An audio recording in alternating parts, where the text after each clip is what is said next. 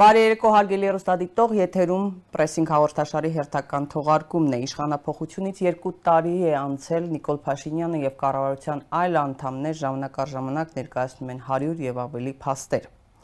Կառավարության աշխատանքի մասին սակայն դատում են ոչ թե թվերով ու փաստերով, այլ շոշափելի արդյունքներով ինչ է փոխվել հասարակ քաղաքացու կյանքում։ Այսօր մեր տաղավարում կզրուցենք Հայաստանի Հանրապետության նախկին վարչապետ, տնտեսագիտության դոկտոր պրոֆեսոր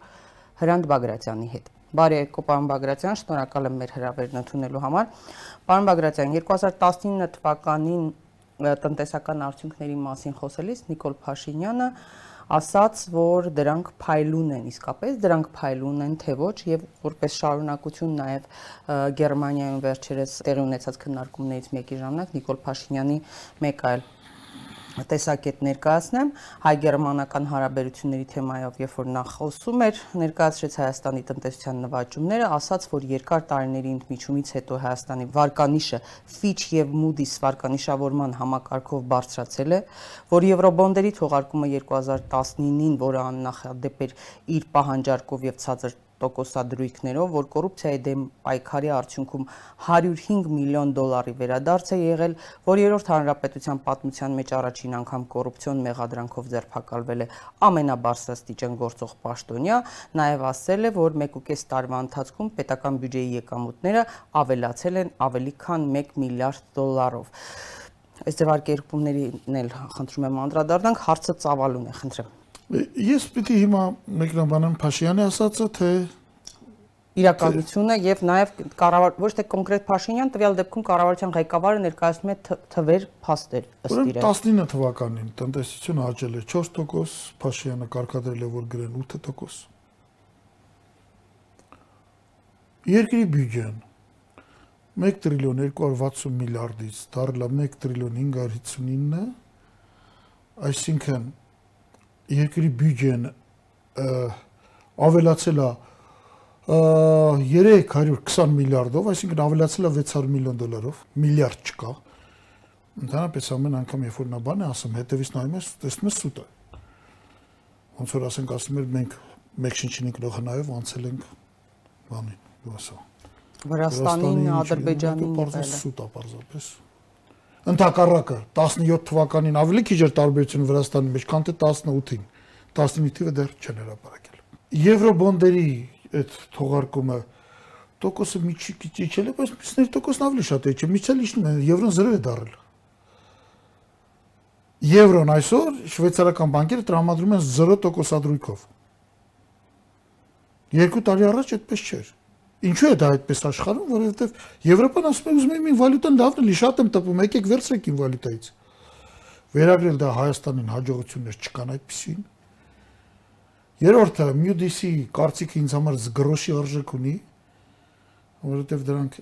այսպես կասեի, այնպիսի իրականում հետախուզական գործակալություններ են դրանք։ Fitch-ն էլ Moody's-ը Fitch-ը, դու Fitch-ը դրանցից մեկը զբաղվում է ավելի շատ մասնավորով եւ այլն վարկանիշում դրանք Փող են վերցնում վարկանշելու համար ստացվել է այնպես, որ իրանք են միջազգային ներկայացնում։ Շուտով դրանց ասենք չինական կամ այլ երկրների համապատասխան վարկանշային համակարգերը, որ հիմա ստեղծվում են, դրանց կվտարեն։ Բայց բոլորին է լավացել Moody's-ը, բոլորն է ասում, աշխարհը գրում է առաջ բանկային համակարգերը կատարելագործվում են եւ այլ եւ այլն։ Մի չրտ, մի չրտ բարձրացրել է Moody's-ը հետո ինչ։ Բայց Նիկոլ Փաշյանը չի ասում մեդալի հակառակ կողմը։ Երկու տարում երկրում հանցագործություն են ավելացել 32.7%-ով։ Ինչ տիպի հանցագործություն։ 17 թիվը 10 բոլոր տեսակի 20000-ից հանցագործություն է դարձել 27000։ Երկու տարում Առանձնապես ցաներ հանցագործություն 160-ից դարձել 254։ Երկու տարում ծնված երեխաների թիվը 38000-ից իջել է 36000։ Այդ իշխանության երկու տարում, սա էլ պիտի ասի։ Երկու տարում ըստ էության իրական նույնիսկ պաշտոնական վիճակագրությամբ իրական եկամուտների աճը կազմում է 1.8% վերջի տարում, վերջի տարում կներեք։ Երկու տարի իրար հետ գուցե 3% կազմի։ Այսինքն անցյալ տարի օրինակ 5.9%-ական աճել է անվանական աշխատավարձը, միջին ժողովրդատնտեսական եւ 1.4% գները 5.8-ից հանած 5.9-ից 1.4 հանած 4.5, դրանից հանում է 2.5% կենսաթոշակայինը, որը եկամուտ համարել չի կարելի, ստանում է 2% այս պայմաններում նստել եւ գլուխ գովալ երկու տարում տնտեսության կառուցվածքի մեջ շեշտակերեն բարձրացել են ծառայությունների, խաղերի, ավտոմեքենա ներկրելու, կեղծ կոնյակ արտահանելու, ռեէքսպորտ անելու տարբեր միտումներ, որոնք որոնք իրադարձություններ են խուլիգանություններ տնտեսական, որոնք նախկինում երբեմն արվում էր, իսկ հիմա դառնա համակարգ։ Մենք խափում եւ գցում ենք մեր գործընկերներին, որտեղ մենք առևտուր ներմուծում ու արտահանում ենք անում։ Հիմա Սա էլ պետք է ասվի։ Ես օրինակ ընդունում եմ, որ երկու տարում, առաջի տարում 2018-ին մենք ունեցել ենք 3.5% տնտեսական աճ, գրված է 5.2, երկրորդ տարում 4%։ Ես դա ընդհանուր առմամբ դրական եմ համարում, չնայած զգուշացնում եմ կառավարությանը, որ կառուցվածքը վատն է ընկեր ձեր աճի։ Ձեր աճի հիմնականում ծառայություններն է խաղերը, Viva Robaman, ձեր աճի հիմնականում ներմուծումներն են մեքենա եւ հանկագործությունները։ Հա եւ հանկագործությունը։ Մարդը, որը եկել էր կարգավորելու հանկարծությունաբերությունը, միայն անցյալ տարի 19-ին տվել է 24% աճ։ 24% ավել մետաղ է հանվել։ Ասվում էր մինչև այդ, որ գալիս են կարգավորելու հանկարծությունաբերությունը, ճիշտ է, այնտեղ թալան է եւ այլն։ Դե եթե նախկինում թալան էր, ընդունենք թե թալան էր նախկինում, հիմա այսօրվա թալանը 24% ավել, այսինքն նախկինի 100%-ին գումարած եւս 24%, որտեղ ոչ ման չի փոխվել այդտեղ։ Ահա ճիշտ որ սեփականատերը չի փոխվել, մեխանիզմ չի փոխվել, պետությունը ավել փող չի ստանում։ Դե ասում էր այն ժամանակ, որ հիմքը տանում են, ծախում են, պետքա բան անել նախկինների այդ հանքարդյունաբերությունը, պետքա IT-ին զարգացնել, տպավորություններ, որ Հայաստանը հրթիռները արտադրելու սկսելու IT-ին զարգացնելուց հետո IT-ի տեսակարար կշիռը տնտեսության մեջ չի աճել, մի քիչ էլ իջել է։ Իհարկե, այսօր ավելի շատ IT կա, քան թե 2 տարի առաջ։ Աշխարհում էլ է, դա աշխարհում 3 անգամ ավելի շատ կա բայց վերցրեք մի հասարակ բան նոր տեխնոլոգիաների զարգացման մեջ եթե մենք համաշխարհային հնային մեկ շնչին ընկնող հետ ենք աշխարհի միջինից չեմ ասում զարգացած երկրներից միջին 3 անգամ եթե օրինակ աշխարհում արևային ու քամու էլեկտրաէներգիա էլեկտրաէներգիան 5-ից 10% է անցյալ տարի մենք արտադրենք 16 միլիոն կիլովատ 7 միլիարդ կիլովատից այդտեղ մենք հետ ենք 80 անգամ Ամենտեղ չի որ տենց վատ է։ IT-ի մեջ օրինակ, ասենք ինտերնետ կապերի քանակով բանով ոչինչ այստեղ։ Նախկինում էլ էր IT ոլորտը բավական Այսինքն երկու տարում տնտեսության մեջ չի առաջարկվել որևէ լուրջ ռեֆորմ։ Որևէ լուրջ քայլ։ Չունենք բարելավում կառուցվածքի, ինձ համար կառուցվածքն է հետաքրքրում։ Եվ այդ նույն բյուջեն, երբ որ ինքն ասում է 1 միլիարդ դոլար, իրականում ավելացել է 600 միլիոնով, ես կոպտորեն եմ ասում, հա, միլիարդ 200 1 միլիարդ դոլարով 1.5 տարվա ընթացքում ինքն այդպես է ասում։ Հա, դες բան չկա, իհարկե այդպես բան չկա, որտեղ ասացի ես դες բյուջեի թիվը տրիլիոն 559-ն եղել 2019-ին, տրիլիոն 240 237 կարծեմ 2017-ին։ Բայց դրանից էլ հանեք ավտոները, որ մենք բարձրապես շահարկելով մեկ այլ երկրի օրենքները ԵԱՏՄ-ի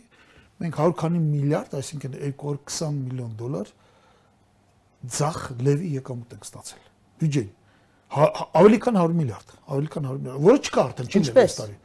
Բերել ենք մեքենա, ներմուծել ենք ու ծախել ենք Ղազախների, որի իրավունքը չունեինք բայց տեղյակ են չէ եղել որ դրա իրավունք չունեին ավելին ըստ տեղեկությունների փո արդարադատության փոխնախարարներից մեկի նույնիսկ հայրն էր ներկրում մեծ քանակությամբ բնականաբար իմացել են իհարկե իհարկե հայրը ներկրում էր մեծ քանակությամբ չունեն իրանք գիտեն որ եւ դա հələ կարող է ինչով չի իմացվի ինչով կարող է վերջանալ Ղազախները կարող են նույնիսկ պահանջել պետական պարտ ձևակերպեք այդ ամենը բայց դրա վտանգը դա չի որ բերում անում ես դրա վտանգն այն է որ մյուս տարի դա չի կրկնվելու Եվ մարդիկ, որոնք զբաղված են իրենց համար զբաղմունք են գտել, հանկարծ parzվում է, որ այդ զբաղմունքը չունեն։ Գյումրիում, որը վարչապետը չգիտես տակացավ էմոցիաների մեջ ասեց մաքսատուն կառուցեք, անհասկանալի ինչու պիտի Գյումրիի մաքսատուն լինի, գյումրեցիներին դուր գալուց է չգիտես ինչի համար, հիմա այդ մաքսատունը անգործ է։ Ավելին հսկայական գումարներ բյուջեից տրվեցին մեկ անձով առանց մրցույթի դրա կառուցապատը դարձյալ տեկի պարտավորություններից։ Վարչապետը իր այդ 1 միլիարդ դոլարից, որը միլիարդ իրականում մի 600 միլիոն է, դու այդ միլիարդ դոլարից վարչապետը բռնի հանի բանը դու ասա այն ծախսերը ավելնորդ որ արել է Գյումրիում եւ այլ եւ այլ ամենուրեք դու կտեսնեք որ այդպես չի Բագրատյան, հերթով անդրադառնանք մի ճշտում անեմ նոր դարձյալ այդ հայտարարությունից, որ անընդհատ ասվում է կոռուպցիայի դեմ պայքարի արդյունքում 105 միլիոն դոլարի վերադարձ է եղել։ Խնդրում եմ ասեք, երևում է դա բյուջեն, որտեղ է դա։ Ես բյուջեն չեմ տեսել 105 միլիոն, բյուջեն չի գրում այդպես տողեր։ Բայց որտեղ տեսանելի տերևում է որպես տնտեսագետի։ Վարչապետը միշտ այդ հարցերը ինքը բլեֆ է անում։ Ինքը պարզապես բլեֆ է մտնում։ Բարի բուն իմաստով ցանկացած հարց ինքը վերածում է բլեֆի։ Եթե խոսքը ընդհանրապես բյուջե 105 միլիոն վերադարձի մասին է, ինքը պիտի ասի, այդ ինչ 105 միլիոն, այդ ինչ կոռուպցիա է։ Միշտ էլ տարիների ընթացքում կոռուպցիա կար։ Չգիտեմ, Վանաձորի առողջապահության բաժնում խախտում են հայտնաբերել, վերականգնել են այսքան միջոց։ Ինձ հայտնի չի որևէ օլիգարխ, չգիտեմ, որևէ դեպք, երբ որ իրանք քննարկել են, դատել են եւ բերել են բյուջե 1 դոլար փոխտեկուս։ Խախտումներ վերականգնում էր, միշտ լինում են իդեպ։ Շատ հաճախ մարդիկ անում են, մենք էլ ենք հիմնարկ ղեկավարը, հետո գալիս է փետրվար մարտը վերահաշվարկ ես կատարում, դրանից մի քիչ ավելի պիտած բյուջեն ավելի առնես, եթե իրանք այս քայլերը համարում են փոխտալ, սա սա միշտ է եղել։ Վարչապետը պիտի ասի, եթե տարի կեսում 100 միլիոն եղել է, նախկինը ինչքան էր ելում։ Մենք եղել է ապարքայը 100 միլիարդով 100 միլիարդ դրամ նկատի ունեմ, ապարքայ կուտակվել, ապարքի վերադարձը ինքը հաշվում է կոռուպցիայի դեմ պայքար կամ Դե նկատի ունի երևի որ Սերժ Սարգսյանի նախկին տեխնազորի ղեկավարից, հա, ինչ որ գումար բռնագանձվեց կամ Գագիկ Խաչատրյանից կամ Սաշիկ Սարգսյանի չգիտեմ։ Ներեցեք, այդ մարդկանցից, եթե գումարել բռնագանձվել է, նախ օրինական դատ չի եղել, ապօրինի բաներ են, որոնք վաղ միսօր հետ ենք տալու այդ փողերը։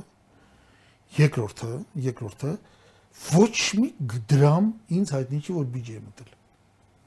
Ես չեմ կարող խոսել բյուջեի չեղած միջոցների մասին բյուջեում կա այլ եկամուտներ տողը, կա հարկային եկամուտներ, կա, չգիտեմ, գրանտներ եւ այլ եւ այլ, կա այլ եկամուտներ։ Այո, այդպեսի տող կա։ Հիմա անգիր չեմ հիշում, բայց չնչին գումար է։ Չնչին։ Պարոն Բագրատյան, ես իհարկե մի հարց առանձնացրել էի նաև հանրակրվեի շրջանակներում կուզեի խոսել, բայց մասնավորապես մի օրենքի նախագծի մասին եմ ուզում հարցնել։ Ըստ կարծիքների նաև այս սահմանադրական դատարանի փոփոխությունները արագացնում են որոշ օրինագծերի հետ կապված կամ որոշ և, զարգացումների հետ կապված օրինակ ասենք Ստամբուլյան կոնվենցիա եւ այլն եւ նաեւ նշվում է հակակոռուպցիոն այդ իրենց գործընթացների շրջանակում ապօրինի ցակում ունեցող գույքի բռնագանձման մասին օրենքի հարցով որ կարող է հետագայում մտնել նաև սահմանադրական դատարան 19 թվականի դեկտեմբերի 12-ին կառավարությունը հաստատեց այդ նախագիծը ինչպես հայտնի է 25 միլիոնից ավել գին ունեցող ցանկացած գույքի հետ կապված խնդիրներ են հարուցելու վերադարձնել պետությանը կամ հա դա ապօրինի ցակում ունեցող գույքի գույքը պետք է իբրև թե ենթակա լինի բռնագանձման սրա մասին եմ ուզում խոսենք, էլի, որովհետև երբ որ խոսեցիք օրինակ Վաչագան Ղազարյանի մնացածից վերծված վերադարձած այդ գումարների մասին ասացիք, որ դա ըստ էության օրինական չէ։ Հիմա այս օրենքը, երբ որ արդեն կառավարությունը նախագիծը ընդունել է, սա իրենից վտանգ չի ներկայացնում պետության համար, որ ասենք որևէ մեկը կարող է ասենք որևէ իշխանություն սկսել ուսումնասիրել ցակումը, գույքի օրինականությունը, քաղաքական որոշման հետևանք կլինի իրենց որոշումը, թե իսկապես արդար դատավարության հետևանք կլինի պետության մեջ սա խնդիրներ չի առաջացնելու։ Առաջացնելու իհարկե։ Դարվում է, որպեսի հարստությունը մարդկանց մի խմբից քաշեն իրենց այսօրվա իշխանությունը սկսել են ինտենսիվ փող աշխատել։ Ինչն է անընդունելի այդ ամեն ինչի մեջ։ Ես չգիտեմ այդ օրենքը իդեպ ինչպես կընդունվի։ Անձամբ ես կարծում եմ, որ սա առաջիկա հանրակրվեն համանդական դատարանի հետ կապված կապված է Ղարաբաղի հետ ավելի շատ։ Ստամբուլյան կոնվենցիա կոնկրետ այդ օրենքը առանձնապես կարևոր չէ, բայց այն օրենքի այն նախագծի տարբերակ որ կառավարությունը քննարկվում իհարկե հակասում է համանadrությանը Հիմա մենք համանadrություն մեր գործող համանadrությանը հանում ենք հակասահմանադրական։ Թողեք մի երկու բառ ավելի մանրամասն ասեմ։ Երբ որ ես պայքարում էի համանadrության դեմ, ոչ ասելով, Փաշինյանը հայտարարում էր, որ դա օրակարգին չի մտնում իրաց։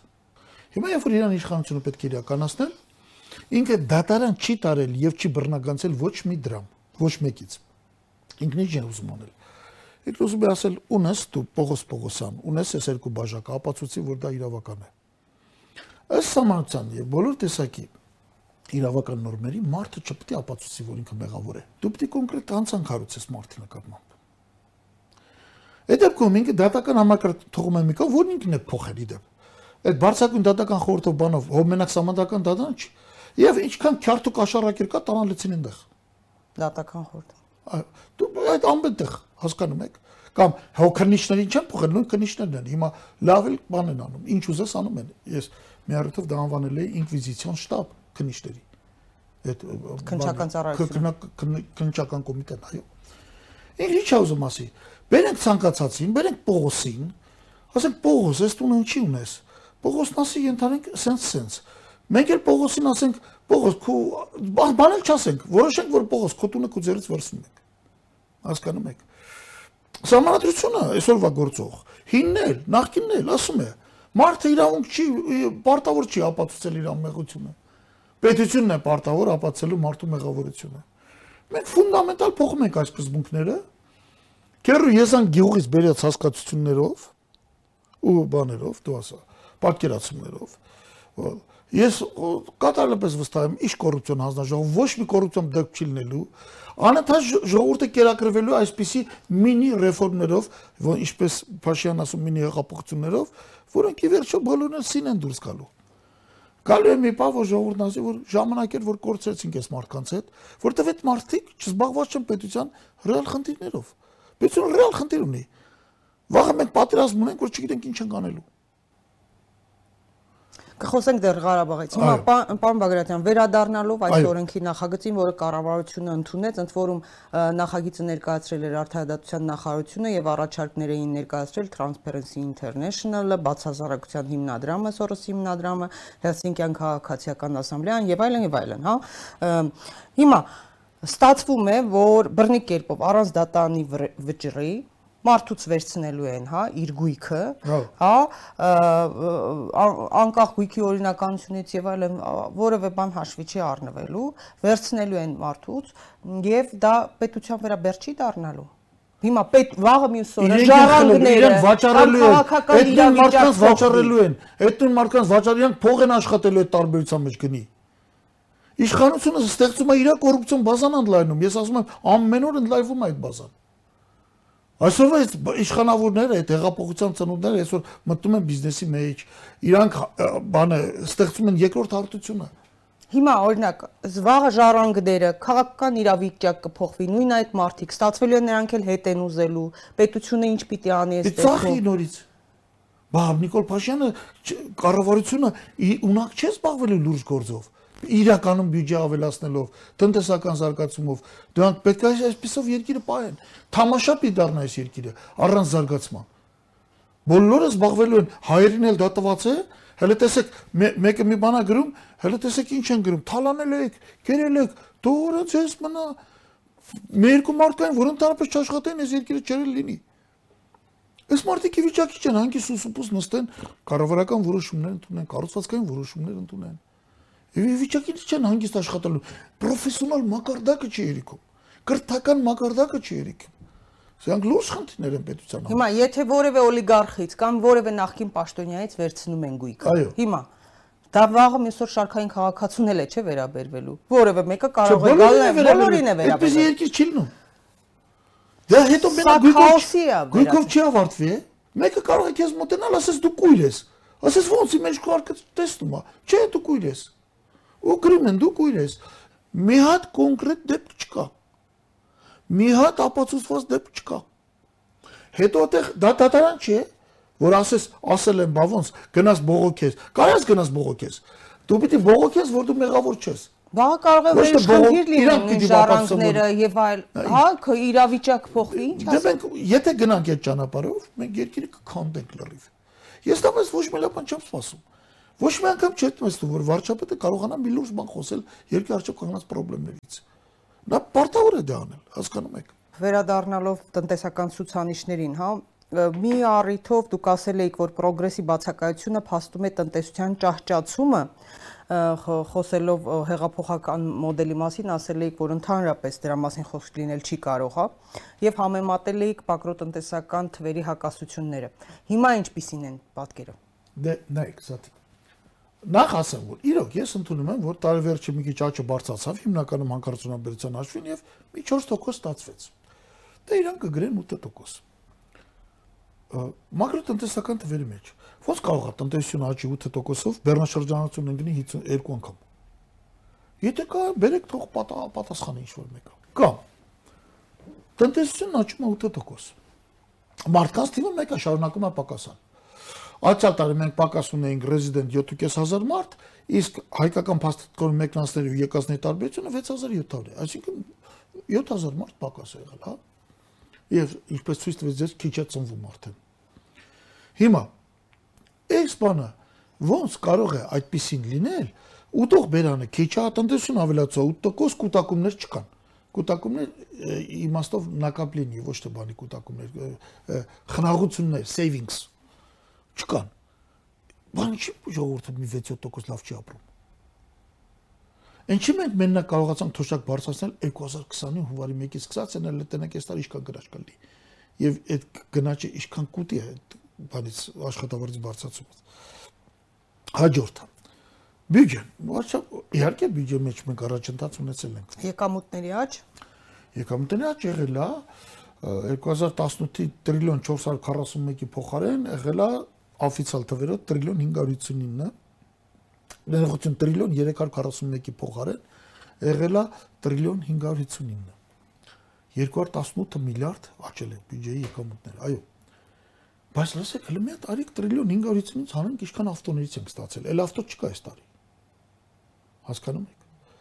100 միլիարդի կարգի թիվը երևի նույնիսկ ավել ես լսել եմ մոտարապես 100 քանի միլիարդի մասին Ուր է ձեր աճը։ Եթե դուք 8% աճ ունեք, 1.4% էլ ունեք 8.2% աճ ունեք, 1.4% գնաց, արեց 9.6%, ունեք հարկային օրենսդրություն փոփոխություն, որ նույնպես հավելաճ է բերել, ապա ձեր բյուջեն պետք է այդ 100 միլիարդը հանելուց հետո ավելի նախորդ տարվա բյուջեից դրանից էլ հանելով այն տարի էլ մի քիչ ավտոներ եղել են, ապա ավելի լիներ 100 այդ տարվա բյուջեից մոտարապես 140-ից 150 միլիարդ, այդպես չի բյուջեն չի հերիքում 30-35 միլիարդ թիվ կարգ կարգի թիվ հասկանում եք այս բոլորը է նրան որ ես ճիշտ ասած հետո հետո գիտեք ինչ կա բլեֆներ բլեֆներ բոլոր աճերը չգիտես ինչու վերաբերվում են բանին ծառայությունների ոլորտին որտեղ խաղեր են բանալում առաջ ընկած հանքարդյունաբերությունը մետաղական հանածոների բանը աճեցույց հատված 23.9%, այդ ինչ ա եղել մենք մետաղը չենք վերամշակում, բայց արտանում 12%։ Ես շատ վախենում եմ, որ բանի մեջ մտցված է արդյունահանված, չիրացված բանը հաշվառված է բարձրապես որպես իրացված բան արտադրանք։ Հաջորդը, հաջորդը 40 քանի տոկոս աճել է կոնյակի արտադրում 42.5 միլիոն լիտր կոնյակ ենք արտադրել 12 միլիոն 700 հազար լիտր գինի ենք արտադրել 1 լիտր կոնյակ արտադրելու համար սաթիկ մեզ պետք է 5.7 կիլո խաղող։ Հիմա էլ հակառակն ալում 42.5-ը բազմապատկում ես 5.7-ով գումարում ես 12.7 միլիոն լիտր գինին 1 լիտր գինի արտադրելու համար մեզ պետք է 1.5 կիլոգրամ խաղող հասկանում ես 270000 տոննա խաղ, բայց արտադրությունն եղել է 217, իրականում 217 էլ չի եղել։ Մենք վարչապետին հանդիպեցինք, ասացինք, այն գերես ինչ է կանում, ես նույն խաղող, մաղողը, տոմատ, մոմատը, հարկային է, ինչի թափոնները չի ընդունում։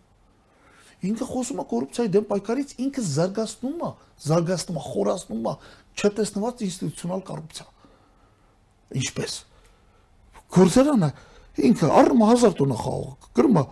10000 տոննա, առնում է 500 տոննա պոմիդոր, գրում է 15000 տոննա, բարձրացնում է ինքնաժեք արժ չի տալիս։ Սա գիտի վարչապետը, իրեն բացատրված է։ Եվ սրա լուսման միակ ձևը որ թափոնները բանան հաշվառում ու մուտքագրում հարկային տեսչություն։ Լավ, վաղը տնտեսվարողներին էլ է այդ հարցը տրվելու, չէ՞։ Այդ որոնք որ այդ թվերը ներկայացնում են։ Չէ, դե երևի վերևից պահանջում են թիվ ներկայացեք։ Ժողովուրդը թող ինքը հասկանա։ Անընդհատ հետո անընդհատ ժողովրդին ասվում է, որ հələ նախքին տեսնում, իհարկե թալաներ։ Ավելի նախքինում այդպեսի բաներ կային, ես ավելի խիստ քան Նիկոլ Փաշյանն ինքս էի խոսում։ Լսեք, բայց անընդհատ ասվում է։ Լսեք, ժողովուրդ, ուզում եք նախքին հետ գա, չէ, ուրեմն չէ, մենք ինչ ինչ անում ենք, հաշտվեք։ Հա, տենց է ստացվում։ Ստացվում ամեն ինչու մեղավոր են նախկիններով։ Ստացվում է ընդունել ենք զոհի կերպերանք, ոնց որ մանկության ժամանակ երիտասարդ վաղ մեկը մեզ նեղացրել է, ու սաղից վրեժ ենք լուծում։ Ուրիշ հարց չկա, մեծահոգություն, ինչ որ բան վսեմություն մտածելու պետության կառավարություն, կառավարիչը չի կարող խելացի բաներ չդնել օրակարգում։ Հայնքեր դիեզերքից նկարում են դաշտերը, նկարը բռնում ես Ջեոսիսի նկարը, Գցում ես կոմպյուտերի մեջ, ասում ես ցույց տուր ինձ քանի հատ ծառ կա։ Քանի հատ։ Իդեպ ծառերից խոսեցինք։ Եվ որ վարչապետը ասում է 10 միլիոնա ծառ պիտի ընկեք, ինքը պիտի պատկերացնի այդ ինչա։ Բարոն վարչապետը գիտի, որ օրինակի իմ հաշվարկով Հայաստանը մաքսիմում կա 160 միլիոնա ծառ, որից 30-35 միլիոնը պտղատու հետ, մնացած անտառները մեղա ծառը։ 10 միլիոն ծառ տնկելու համար 20-22000 հեկտար հող է պետք վարչապետ իրավունք ունի ասի մի երևույթի մասին, որ երբ որ ինքը դրա մասին էր խոսում, առավաստ մասշտաբը մեկ կարգով պետք է պիտի փոքրելներ։ Ոչ թե 10 միլիոնա, դու հələ մի 3 տարում 1 միլիոնա ծաղտնքի հետո գլուխ մովաս։ Հասկանում եք։ Այսպեսի բաները չիմանալով, չունենալով համապատասխան պատրաստվածություն, ունենալով իմպուլսիվ, էմոցիոնալ բնավորություն, չխորտացելով մասնագետների հետ, րոպե մեկ լայվ մտնելով կամ ստատուսներ գրելով, ամբողջս դաշտ խառնվել։ Հիմա վերադառնանք այդ այդ հակասություններին։ Այդ հակասությունների պատասխանը կառավարությունը պետք է կարողանա տալ։ Լսեք, թվերեք ասում, թվերեք հրաապարակում, բարի եղեք բանգիստ մարդկանց բացատրել հիմնավորումները։ Կամ այդ մեքենաները, ով ներմուծել են, ուրեմն տարեսկզբին 2019 առաջի երանցակն են ցույց են տալիս թե ունենք չգիտեմ 200 մոտ հարաբերս եմ հիշում տվել 260 270 գործարուս հետո բարձում է 50 հազարը պակասեցին Մեզ չի բացատրում, այդ 50-ը այդ ինչ աշխատատեղ ստեղծեցիք։ Մի ամսում պակասեց։ Հետո ես եմ ենթադրում արդեն, որ դա մեքենա ներմուծողների, քանի որ նրանք հարկ են վճարում այդ ներմուծումից, ու հարկ է վճարում, հաշվում ենք, որ ինքը աշխատանք ունի։ Հասկանում եք։ Մեկ մեքենա ներմուծել ակտով դու իրավունք ունես համարելու, որ ես աշխատանք ունեմ։ Որևէ օրենքով իրավունք չունեք։ Ցավալի է, ցավալի է, անհուսալի է, անհուսալի է անուսալի է ընդհանրապես որևէ բան խոսել, որևէ բան փորձել բերել։ Մենք մեծ խնդիրներ ունենք, մենք չունենք ներդրումներ։ Այդ ներդրումների միջավայրին մինչև անդրադառնալը, պարոն Բագրատյան, վարշապետը փաստորեն ամեն ինչից խոսում է, բայց չի խոսում այն մասին, թե որքանով է կյանքը թանկացել Հայաստանում, հա։ Խոսքը գնաճի պաշտոնական ցուցանիշի մասին չի, քանի որ դրանով չի որոշվում կյանքի թանկացումը։ Կարող եք ասել, որ քանի անգամ որքանով է թանկացել, որտեղ մարդիկ իրենց զրույցներում խոսում են դրա մասին, հա, բարձրաձայնում են, բայց լսում են բոլորովին ուրիշ թվեր։ Ես չեմ կարող ասել, դրա համար պետք է հատուկ ծառայություն պայս։ Պաշտոնապես պետությունն ասում է մեզ 1.5%-ով է թանկացել, բայց այդտեղ մի հարց կա։ Առաջինը, արդյոք ճիշտ է ասվում այդ 1.5%-ով։ Եվ վերջապես ինչպես են հաշվում դա։ Կարծեմ, եթե հիշողությունից չի դավաճանում մի քանի 100, մի քանի 100 ծառայություն ու բան է։ Եվ այդտեղ մենք խնդրեմ ունենք։ Մենք հին ծառայությունները, որոնք վերացել են, պահում ենք, պահում ենք իբր թե դրանք կան։ Ասենք ընդհանրեն Երևանում կա տրամվայ, տրամվայ Երևանում չկա։ Ես օրինակի համար եմ բերում, հասկանում եք։ Այդտեղ չի լուծված, ճիշտ գնաճը հաշվարկելու համար չի լուծված հետևել հարցը։ Դա իդապես համաշխարհային խնդրեմ, աշխարհով մեկ է խնդրեմ Ինչպես անենք նոր ծառայությունները ընդգրկենք, նոր ծառայությունները ընդգրկենք եւ հին ծառայությունները հանենք։ Օրինակ, ասենք, եթե վերցնես ենթանենք iPhone-ը, որ մարդիկ iPhone են օգտագործում, ամեն մի ելած նոր մոդելը ենթանենք 1000 դոլարից պակաս չի լինում։ Թողելով հին մոդելները կամ թողելով հին ծառայությունները, հին, հին ապրանքատեսակները, կարելի հասնել գնաճի բավականին ցածր ցուցանիշի։ Ես կարծում եմ, որ մեր վիճակագրության կոմիտե շռայլորեն օգտվում է այդ հնարավորությունից։ Իրական պատկերը ամեն դեպքում էլի տեսանելի չի։ Պարոն Բագրատյան, տնտեսագետներից մեկը այսօր ասուլիսում հայտարել է, որ եւս 3-4 տարի ներդրումներ չսպասեք, որովհետեւ դատարանները վատն են։ Ինչ ասեմ թող գնա ուրիշ երկրում ապրի, որտեղ դատարանները լավ են եւ մեր երկրում այդպիսի բաներ չհայտարարի մարդը։ Թույլ տվեք ասեմ, որ կենտրոնական բանկի նախկին նախագահ Բագրատ Ասատրյանն է այս կարծիքը այսօր հա, արտահայտել եւ խոսենք ներդրումների մասին նաեւ։ Ցավում եմ էլի, բաստորեն Երկիրը չի կարող ներդրում չունենալ։ Ներդրումը օդն է տնտեսությանը։ Մարդն ասում է 3-4 տարի թող օդ չլինի, հետո կարողա լինի, կարողա չլինի։ Այս շատ ցավալի է։ Ներդրումների միջավայրի մասին խոսենք, հա։ Ինչու ներդրումներ չեն լինում։ Օրինակ, եթե դուք լինեիք, օրինակ դուք լինեիք օտարերկրացի ներդրող բիզնեսմեն, դուք Հայաստանում կդնեիք, ներդրում կանեիք։ Ոչ։ Ինչու։ Որտեղ ամբողջ օրը նույն դատական օրենքի մասին, որ քիչ առաջ ասացիք, նույնիսկ խոսակցությունը երիկա, որ ես փող չբերեմ։ Հասկանում եք։ Ներդրողը ինչ չես կարող գնաս ասես, գիտես, ես որոշել եմ, որ քո ունեցվածքը սխալ է։ Երկրորդը, ես երկրում նույնիսկ չի որոշված ինչա ներդրումը։ Ինչ, այսինքն պաշտպանելով ներդրումը պետությունը ինչն է պաշտպանում, եթե չի որոշել ինչա ներդրումը։ Երրորդը, սա ինչ երկիր է, որ ես ներդնեմ անընդհատ ասֆալտին խփել, պատին խփել։ Այդ ի՞նչ բան է։ Հեղափոխություն։ Վերահերավորում անհիմն մարդկանց ձերբակալել, անհիմն։ Մարդկանց չեն էլ ասում ինչի համար են ձերբակալում։ Այս հարցերը պիտի լուծվեն։ Կամ այդ արտահայտությունները բիզնեսին։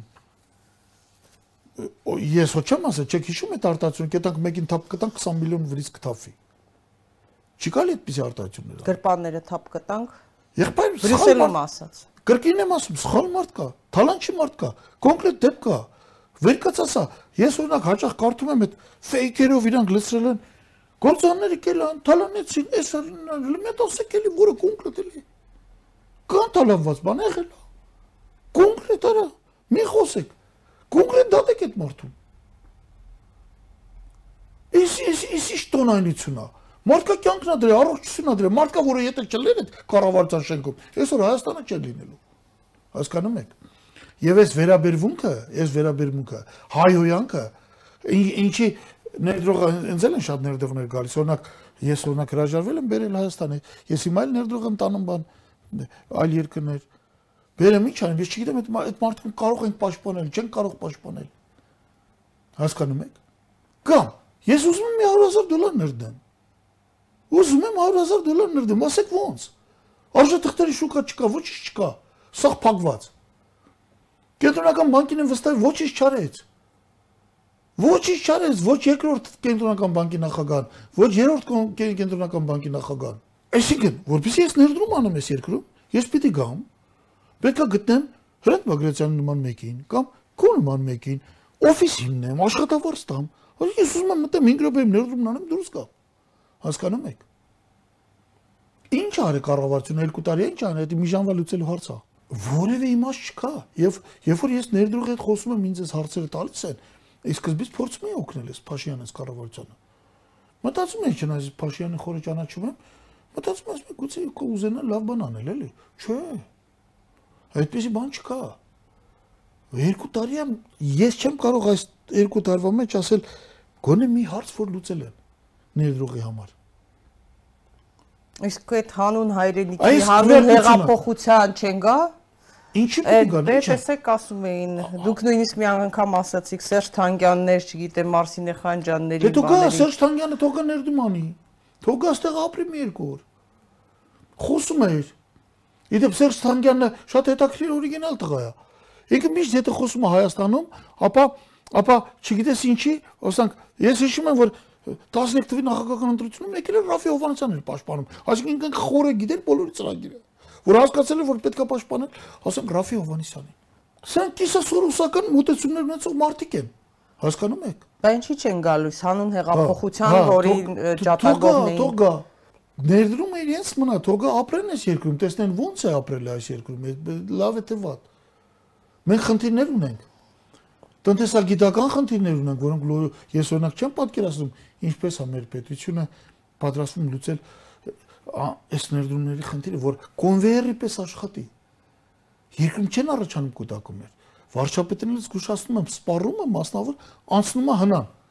98.7%, 99.8%, երբեմն անցնում է 100%-ը։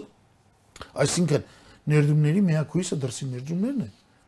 որոնք չկան ու չեն լինելու։ ներսի դե- ներդրումները Հա, կներեք։ էլ Դրանք ամեն շատ կարևոր է, եթե ամեն հայրափոխի գրված է, որ փակվում է կամ, չգիտեմ, լիկվիդացիոն գներ, չգիտեմ, Հա, հա, հա։ տրվում է վարձով տարածքը, դա բան ներքին Մենք ներդրում։ չենք ստանում թվեր ճիշտ, քանի հիմնարկը աշխատում։ Մեկ-մեկ հարկային հայտնում։ Ազգային վիճակական ծառայությունը հապարակում է այդ թվերի փոփոխությունը։ 100-ով փոխվեց։ Երբեմն կարա նշի դեպի շատացավ թե պակասեց։ Հետո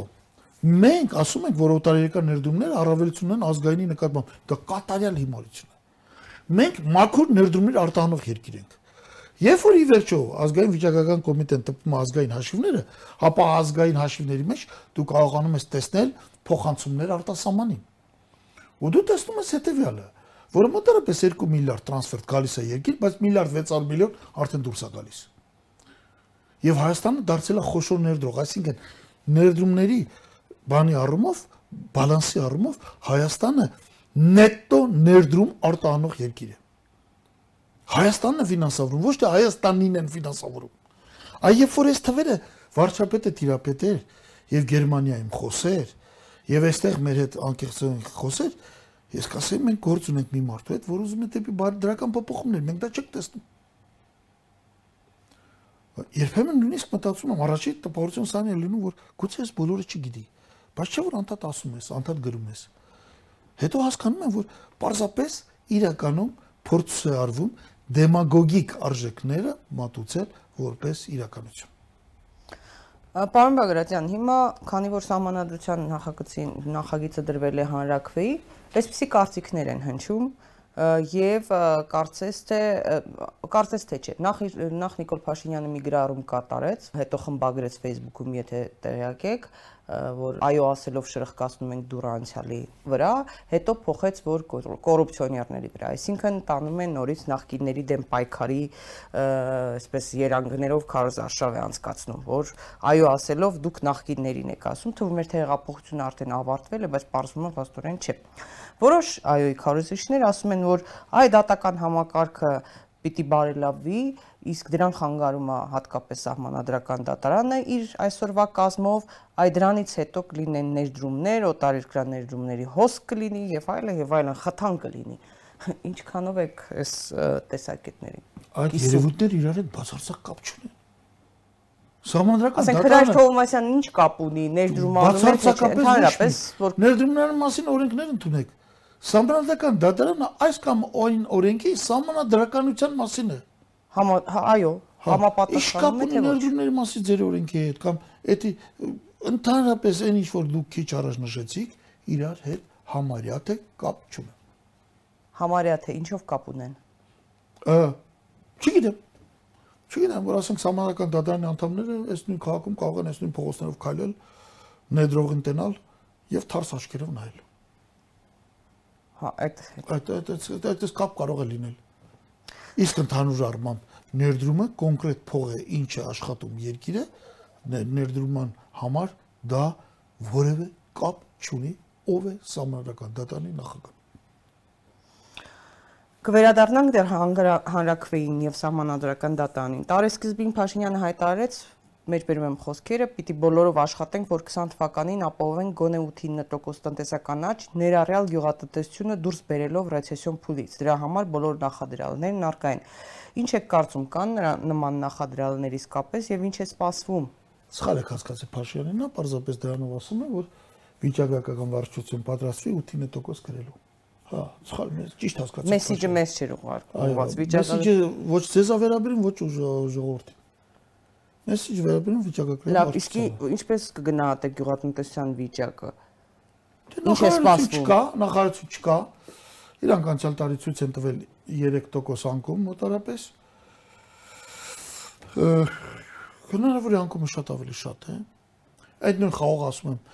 չնայած այնքան են ցույց տվել, որ քիչ է, այդքան կոնյակին ու գինին չի հետաքրքրում։ Չնայած հերիքում կարող են ասել, նախանցյալ տարվա զապասը մենք նախանցյալ, նախանցյալ, նախանցյալն ենք նայել Չկա, բարձի թողի վիճակում է ոլորտը։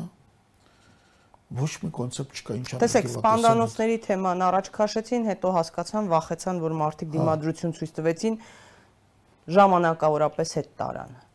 Այդ գաղափարը։ Գյուղատնտեսությունը հասկանալի է, հողի սեփականաշորում ա եղել գյուղատնտեսությունը մի բա 90-ականների սկզբին կրկնապատկեց բուսաբույցյան արտադրանքը, հետո աստիճանաբար ավելացրեց անաստանբույցյան արտադրանքը։ Դրանից հետո ոչինչ չի արվում գյուղատնտեսական պետքա կոոպերացիա արվի փոխօգնության հիմունքներով եւ գյուղատնտեսությունը եւ ոռոգումը եւ սպասարկումը եւ անասունների մորթը եւ այլ եւ այլ։ Սպանդանոցը դեմ ճիշտ մարդիկ բունտարեցին, ինչ էր նշանակում։ Սպանդանոց ստեղծելը եւ պարտադրելը անասունը սպանդանոց տալը նշանակում էր գյուղատնտեսություն։ Այդ սպանդանոցներին զիջի քո տարածքում ստեղծված եկամտի մի մասը մարդիկ ասում են չենք զիջում։ Հետո մեր եկամուտն է ինչա մենք այդքան շատ զբաղված ենք։ Այդ պետք է հասկանալ նման որոշում կայացնելուց առաջ։ Չնայած կարծեմ ուզում են վերադառնալ այդ որոշմանը հետաձգի պարզապես։ Բայց նեղով հասկանա ով զբաղվի, ես չգիտեմ, չեմ պատկերացնում։ Դիտավորյալ է դիտավորություն կար, որ գյուղատնտեսության նախարարությունը փակեցի։ Այո, դրանով կառավարությունն ասում է իրականում իր մտքին է, ինքը չի ասում ժողովրդին այդպես, բայց իր մտքին է, որ գյուղատնտեսությամբ զբաղվող չկա, գնացեք յուլա գնացեք ոնց կուզեք։ Այսինքն կարևոր չէ ժամանակին գոնե հրճակել էին գերակաճուղ ծրագրերին իրականացնում որոշակիորեն։ Հիմա գյուղացին նույնիսկ չգիտի ուր դիմի։ Էկոնոմիկայի նախարարություն դիմի ուր դիմի իր խնդիրներով։ Ուր ուսմա թո դիմի։ Դա էլ է հետաքրքիր, այդ մեսիջն էլ է ստացել գյուղացին պիտի հասկանա այսքան բան, որ իրան կառավարությունն ասում է այդ հարցերով մեզ չդիմես։ Մենք չունենք, մենք նույնիսկ մարմին չենք ուզում ունենալ, որ որը կզբաղվի գյուղատնտեսությամբ։ Կառավարության այլ անդամներ եւ անձամբ Նիկոլ Փաշինյանը խոսում էր եկամտահարկի նվազեցման մասին, հա, ով շահեց այդ փոփոխության արդյունքում, դա դրական էր թե բացասական տնտեսության համար, նաեւ խոսվում է, որ այդ հարկի եկամտային հարկի նվազեցումը մասնավոր հատվածում մարդկանց եկամուտների վրա շատ դեպքերում չի ազդել, որովհետեւ գործատուները նվազեցրել են աշխատավարձերը։ Մասնավոր հատվածի մեծ մասում տոկոսով, չգիտեմ, կարծում եմ 50%-ից ավել է։ Իջեցրեցին աշխատավարձները։ Ասենք մարդը ստանում էր 300.000 դրամ։ Ենթանիկ մուծում էր 30%, ես օրինակի համար եմ ասում։ Մաքուր ստանում էր 210։ Հիմա հարկը դառել է 23%, 7% պակաս։ 300.000 դրամի 7%-ը 21000 դրամ է։ Հիմա մարդուն կանչում են, ասում են ձեր աշխատավարձը այլևս 300.000 չէ, 279 է, որովհետև սիրելիս դու միևնույն է մակրո կստանաս 210 ինչպես առաջ։ Դրա իման վրա կառավարության անդամները եւ վարչապետը հայտարարում են, որ շնորհիվ այդ միջոցառման մարդկանց աշխատավարձը բարձրացել է, դա ճիշտ չէ, դա իրականությանը չեն համապ, չի համապատասխանում։ Քանի որ տեղի ունեցել այդ երևույթները։ Հնարավոր է պետական հատվածում դա տեղի չի ունեցել, բայց բոլոր դեպքերում մարդիկ վնասվին, մարդկանց մեծ մասը վնաս կրին։ Նախ մինչև 150.000 դրամ ստացողները որևէ օգուտ չստացան, մի փոքր վնասվեցին։ 150.000-ից ավել ստացողներն էլ զգալի մասը, ավելի քան կեսը միևնույն է էլի չօգտվեց։ Կարծում եմ ճիշտ կլիներ, որպեսզի կառավարությունը եւ վարչապետը ասեին, որ ներողություն մենք ճիշտ չէինք, ներողություն, որ մենք չենք նախատեսել, որ մարտիկ կիչեցնեն ձեր աշխատավարձները, եւ ներողություն, որ մենք կոմպլեքս չենք մոտեցել խնդրին, որպեսզի աշխատավարձի իջեցում թույլ չտայինք։ Պարոն Ագրատյան, հարկերի մեջ խոշոր բիզնեսի տեսակարգշիռը որքան է կազմում, այդ հարաբերակցության մասին խոսենք։ Ես չեմ կարող ասել, մեզ հրապարակում են 1000 բաներ։ Այդ թիվը աճել է։ Որ խոշորի տեսակարգշիռն աճում է։ Ես դա չեմ կարողանում համադրել մեկ այլ երևույթի հետ, եւ որ Փաշյանը մի տարի առաջ անդադ ասում էր, որ պետք է դասնենք փոքր բիզնեսի, միկրո բիզնեսի երկեր։ Ընդ որում, երբ որ դա ասում էր, դա ճիշտ էր։ Պետք էր փորձել։ Բայց հիմա էլ հպարտանում եք, որ խոշորի տեսակարգշիռը աճել է։ Դա ինչ է նշանակում։ Դա ինչ է նշանակում, որ ուրեմն փոքրի տեսակարգշիռը իջել է։ Դա նշանակում է, որ տնտեսության մեջ փոքրի տեսակարգշիռը նույնպես իջել է։ Այսինքն դա էլ հակասում է Փաշյանի այն թեզի հետ, որ մենք հիմնվել ենք փոքրի վրա, ձեռներեցության վրա։ Փոքրի տեսակարգշիռն էլ իր հետ նշանակում է, որ ձեռներեցության աստիճանը երանդը նույնպես իջել է։ Այսինքն չի աշխատում տնտեսությունը մեծ հաշվով։ Այդպես է ստացվում նու եթե չասեմ այդպես կոպիտ չի աշխատում, ավելի վատ է աշխատում, քան թե առաջ էր։ Մինչդեռ խոստացված էր հակառակը։ Պարոն Բագրատյան, որոշ թվեր եմ հիմա ձեզ ընթերցում։ 2.6 միլիոն դոլարի ապարքեվատրում ֆինանսների նախարարությունում Փաշինյանի կառավարության օրոք։ 891 հազար դոլարի ապարքեվատրում արտգործնախարարությունում 830 հազար դոլարի ապարքեվավճար սննդի անվտանգության պետական տեսությունում 890 հազար դոլարի ապարքեվաճար վիճակագրական կոմիտեում։ Երևանի քաղաքապետարանում օրինակ 17 օրվա համար հունվարին աշխատած 65 միլիոն 900 դրամի ապարքեվատրում 3 միլիոն 110 հազար դոլարի ապարքեվատրում կադաստրի կոմիտեում Կրթության, գիտության, մշակույթի, սպորտի նախարարությունում ապարքեվավճարները 19 թվականին միայն կազմել են 1 միլիարդ 774 միլիոն 225600 դրամ։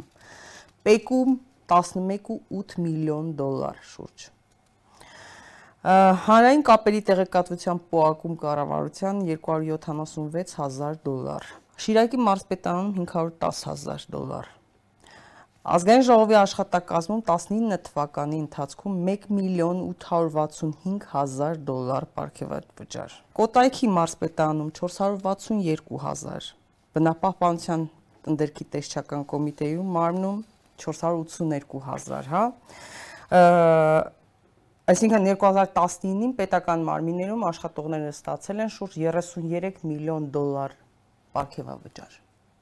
Սա այն դեպքում դա վստահ եք, հա, 33 ոնց Պաշտոն ես պաշտոնական հա, հարցներով, բայց դա շարունակվում է։ Ականջիս անգամ ավելի քան 50 միլիոն, 56 միլիոն կարծեմ։ Սա մի մասով պետական որոշ մարմիններում այսպես հիմա, հա։ Այս բան հավաքել 33։ Հավաքում ենք, հա։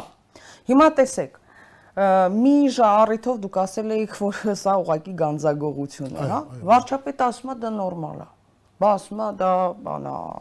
աշխատավարձերի մասնակազմում պետքա բան անել այս հարցը սենց լուծել, որովհետև լավ մասնագետը չի գա աշխատելու այդքան ցածր աշխատավարձով։ Դրան զուգահեռ մենք տեսնում ենք հիմա Մարդիկ հարց են տալիս։ Դուք այդ ապարքեվավճարները ձեզ տալիս եք, բայց ասենք Մարալիկում ծննդատուն եք փակում, նպատակահարմար չի, այսինչ մարզում ծննդատուն եք փակում շատ տարօրինակ չի, պարոն Բագրատյան։ Սա տարօրինակ է, նախ դուք խնդրում եմ ինձ բացատրեք։ Այդ դեպքում կաշառքի եւ պետության բանից ապարքեվավճար վերցնելու տարբերությունը ո՞րն է։ Ասենք երբ որ դու ասում ես դու կողացել ես պետություն։ Բայց մենք չենք չենք իմանում, չէ՞ որ այլ կաշառք չեն ստանում։ Մի րոպե պատկերացրեք դուք Նիկոլ Փաշյանն եք։ Ես ում հասկանամ ինչ է կա։ Դժվար է պատկերացնել, բայց խնդրեմ։ կներեք, էլի, սա իհարկե, բայց չի, բայց ուզում եք դիալոգ ստացվի, դե իրանց հետ դիալոգ չի ստացվի։ հա, Հնարավոր չի, նստեն խոսակցության, հա։ Հա։ Ես ուզում հասկանամ, ի՞նչ տարբերություն, կաշարկը վերցնում թե թե ասում ես, ինչ ես կաշարկ վեկալում։ Գնա բյուջեից ինչքան է քեզ պետք, լավ, 2000 դոլար գրեմ, գնա պարկի վավճա ստացի։ Տարբերությունը ո՞րն է։ Ոնց, եթե որպես Նիկոլ Փաշինյան եմ պատասխանում, ոնց թե ասում է, Բաղարամյան 26 ճապրուկներով փող էին բերում։ Չէ, բերում էին։ Հիմա ասում է չեն բերում։ Այ մարդ, մի րոպե, ասել, նախ ես չգիտեմ բերում են թե չէ։ հա։ Երկրորդը բերում էին։ Ես չգիտեմ, բայց Լորա Փնացակայանը բանով BBC-ի եթերում, կարծեմ BBC-ն է։ Հա։ Հայտարարեց։ Ասեցինք որտեղի փաստ ունեք թե չէ, ասեց պատկերավոր խոսքս դարձնելու համար եմ ասել։ Լավ։ Բա։ Այսինքն, այստեղ արգումենտացիան ո՞րն է։ Բաղրամյան 26, ասենք նկատի ունի նախագահական ճամպրուկներով տարել են, հիմա չեն տարել։ Հիմա եւ տանողին եւ վերցնողին բռնի, դատի, եթե փաստուն ես, եթե դա բլեֆ չի, եթե դա դեմագոգիա չի, եթե դա հերյուրանք չի, անկամ եթե բռնել ես, չնայած ինձ հայտնի չի դա, հասարակությանը կասեին։ Դա արդարացնում է այն, որ ես քեզ ասում եմ, փողա պետք գնա բյուջեից վերցրու։ Բայց դա գանձակողություն չի։ Այ հատո, բացեք այնտեղ գանձարանը բացեք, մտի մտի Սատիկ իսկ հիմա ավելի լուրջ Բայց ես լուրջ էի ասում, պարոն Բագրատյան, օրինակ նույն ատոմը, որին դուք դիմեցիք Ջանջուղազյան ֆինանսների նախարար, օրինակ եղել է որ 5 միլիոն 400 հազար դրամի ապարքեվավճար է ստացել մի բանում։ Պատկերացնում եք։ Հիմա նայեք։ Մի մի չափն եմ ասում։ Ապարքեվավճարները ինչպես են մեր ժամանակ։ Չնայած նախքին բոլոր ժամանակները իրանք հակված են համարելու թալանչիական, հասկանում եք։ Աշխատավարձի ընդհանրապես պլանավորվում է բյուջեում եւ գրվում, ասենք էկոնոմիկայի նախարարությունը ինչքան ստանում է աշխատավարձի ֆոնդ։ Սա գրում ազգային ժողով հաստատվում է։ Հիմա Բարքեվավճարի փողը որտեղից են վերցնում։ Ումից։ Աշխատավարձի ֆոնդը էկոնոմիկայի նախարարությունը էսպես էր հաստիկա ցուցակը, միջին հաստիկա ցուցակը բազմատ պատկաց միջին աշխատավարձով պլյուս 1 աշխատավարձ եւս որտեվ տոկոսները կուտակվում արցակուրտային պիտի վճարես մարդուն։ Կառավարություն կա սոցիալ նախարար էս բաները երևի ենթադրում կարող է։ Որտից ստացվեց օրինակ քաղաքապետարանը այսքան պարգևի փող։ Քաղաքապետարանը ըստ բաժինների ոնց որ կառավարությունը ըստ նախարարների բիջի բյուջետավորում Ոնց կարող է վարչապետը ասի, բանա, նորմալ է։ Մասնագետը կարող է գնալ։ Մասնագետը կարող է գնալ, ապա տնտեսված միջոցները, տնտեսված միջոցները կարելի է տալ 1 կամ 1.5 բան պարքև, բայց դուք բայց դուք մարդ կա տալիս եք կներեք 5 միլիոնը ինչքան ես եմ իմանում սատիկ ներողություն եմ խնդրում կարծեմ 8 աշխատավարձ է Կա օրինակ 12 աշխատավարձ է։ Հա բա ո՞նց դες բան կարելի։ Բա դու դրանով պարկևով ջնջում ես աշխատավարձի նշանակությունը։ Ասում ես աշխատավարձը ինչ թոշակի պահից։ Ավելի վաղ իշխանություն փոխվեց պիտի չտան, չէ՞, այդ պարկևավճարը։ Չէ, ուզում եմ ասել, պարկևավճարը աշխատավարձ բարձր չէ։ Օրենքով պետք է կարգավորել նորից վերադառնալ հարցին, որ մինիստրության աշխատավարձի ֆոնդը այսքան է, 12 ամսով բազմապատկած կարող է պատահի 1 կամ 2 ամիս լրացուցիչ տաս որպեսզի, չգիտեմ, օգնությունա պարկևը բանը մարդիկ անեն, պարկև կարա լինի։ Օրինակ երբեմն լինում էր մենք կես ամսվա ակլատ պարկև էինք տալիս։ Բայց երբ որ մարդուն կանչում ես, ասում ես 15 ամսվա ակլատ, ստացվում է, ստացվում է, էս ի՞նչ է ստացվում։ Էսի ստացվում է վախանալիա։ Էսի ստացվում է գողություն։ Եթե պաստորը ստացվում է իրանք իրանցից մոգոնել են բացադրություն եւ ասում են այնա, ատոմ ջան, կմոտենա քեզ, այս ինչ մինիստրը, գանձապետարանը բաց, թող փողը վերցին գնա։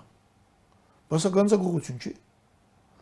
Հիմա ես, քանի որ առանձնացրել էի նաև այդ կապակցությամբ, բառացի մեջ բերում եմ Նիկոլ Փաշինյանի խոսքերը։ Ինքը ինչ ասում, որտեղ այդ թեմայով լայվ էր մտել, հա, Facebook-ում։ Պարքեվավճարներն ու աշխատավարձերը վճարվում են պետական բյուջեով նախատեսված այն միջոցներից, որոնք նախատեսված են հենց աշխատավարձերի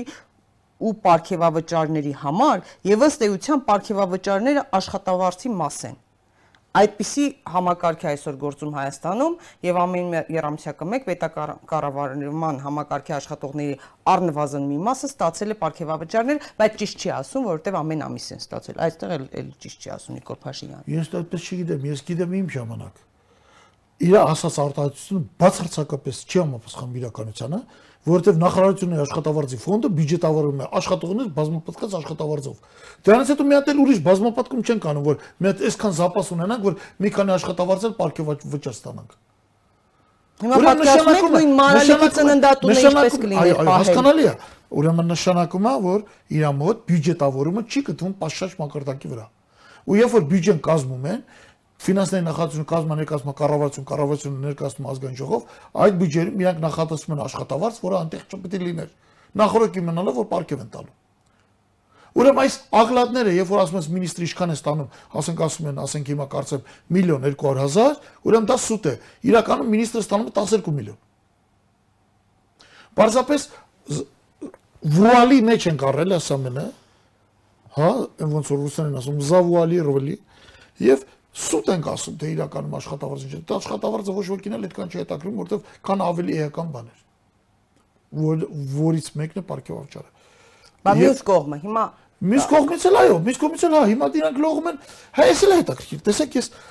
շատ հետաքրքիր սկսեցինք մեր զրույցը 5 ունի տոկոս աշխատավարձ աճը 1.4% գներ 5 ունից անած 1.4 արեց 4.5 4.5 անած 2.5 այս թոշակային արեց 2% ընդունում ենք որ 2%-ով աշխատավարձն ավելի շատ աճը քան թե գները ճիշտ է բայց եթե հաշվի առնենք որ այդ 56 միլիոն ամբողջ աշխատավարձի ֆոնդի մեջ ժողովրդական տնտեսության ինչքան է եղել իրականում ոչ մի աշխատավարձ ստացման չի աճել որովհետև այո աճելը աճելը ենթալենք էլիտայի կամ մինիստրությունների իհարկե էլիտայինը թոշակը 2000-ով է բարձրացել բայց տարիների կտրվածքով անդադ այդ մի քիչ մի քիչ բարձրացել է մեկ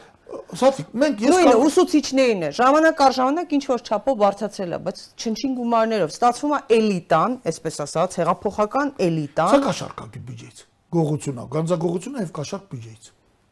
Սա արդեն պարգևավճար չի։ Իսկ բանը ինչ է։ Իսկ եթե ենք աշխատավարձից ավելա բանա, պարգևավճար մաքսիմում տալիս ենք տարվա մեջ միակ լատ մարդուն շատ արտարոս մի բաներ արել։ Գտնում էինք հնարավորություն, եթե էկոնոմիա կա։ Ես 100.000, չգիտեմ 50.000 դրամի համար որպես մինիստր, չգիտեմ,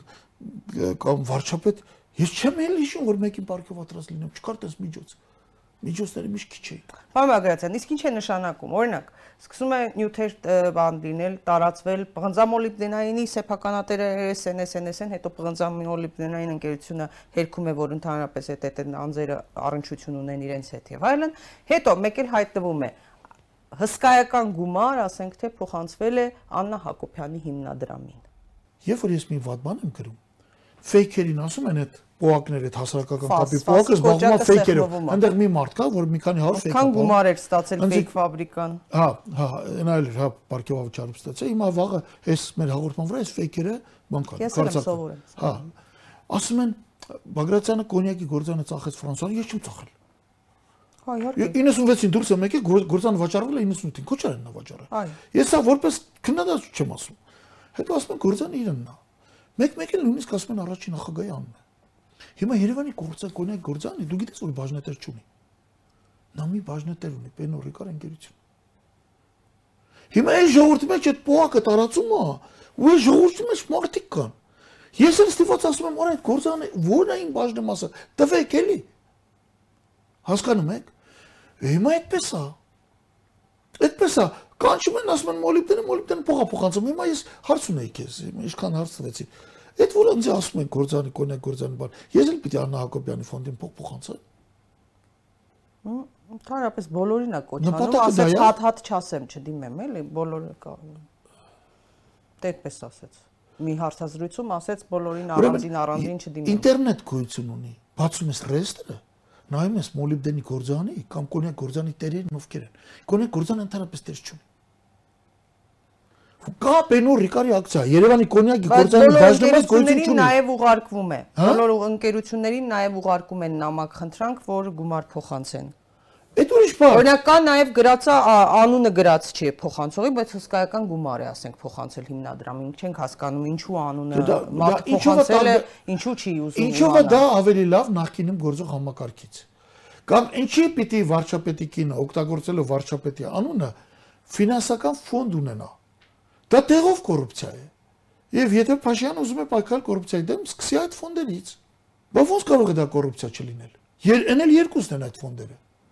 Չէ որ օգտագործվում է վարչապետի անունը, նամակը ոչ ես կարող անտասել, վարչապետի կինն է գրել։ Արի մի բան տամ, թող մի բան չմտածի։ Այլ պարագաներում զրո կտայի, չէ։ Դե նույնիսկ եկեղեցին էր փոխանցել եւ այլն։ Ասենք չէի հասկանում, որ եկեղեցին իր ծրագրերն ունի։ Դե ես չեմ ընդունում, գիտեք, ես դեմ դա արտաբյուջետային ֆոնդ է, որին ես դեմ եմ։ Դա հենց այնպես բարեգործական չէ, քանի որ նրա ղեկավարը վարչապետի կինը պաշտոնյա է պետական։ Իդեպ նա պաշտոնյա է։ Պարոն Ագրատյան, հայտնի է, որ աճի տեմպերի փաստորեն արդեն խոսեցինք էլ այդ մասին, նվազում ունենք բոլոր ուղություններով, հա, ոչ թե աճի, այլ աճի տեմպերի, այսինքն աճի դինամիկան եղել է վերև, դեպի վերև, հիմա անկում է չեք գտնում, որ մեր տնտեսության դիմադրողականությունը առանց որևէ տեսլականի, առանց ռազմավարության, առանց որևէ ծրագրի սրընթաց անկում է գրանցելու եւ այս իմաստով պետությունը ինչ ռեսուրսների հաշվին է հնարավոր պահել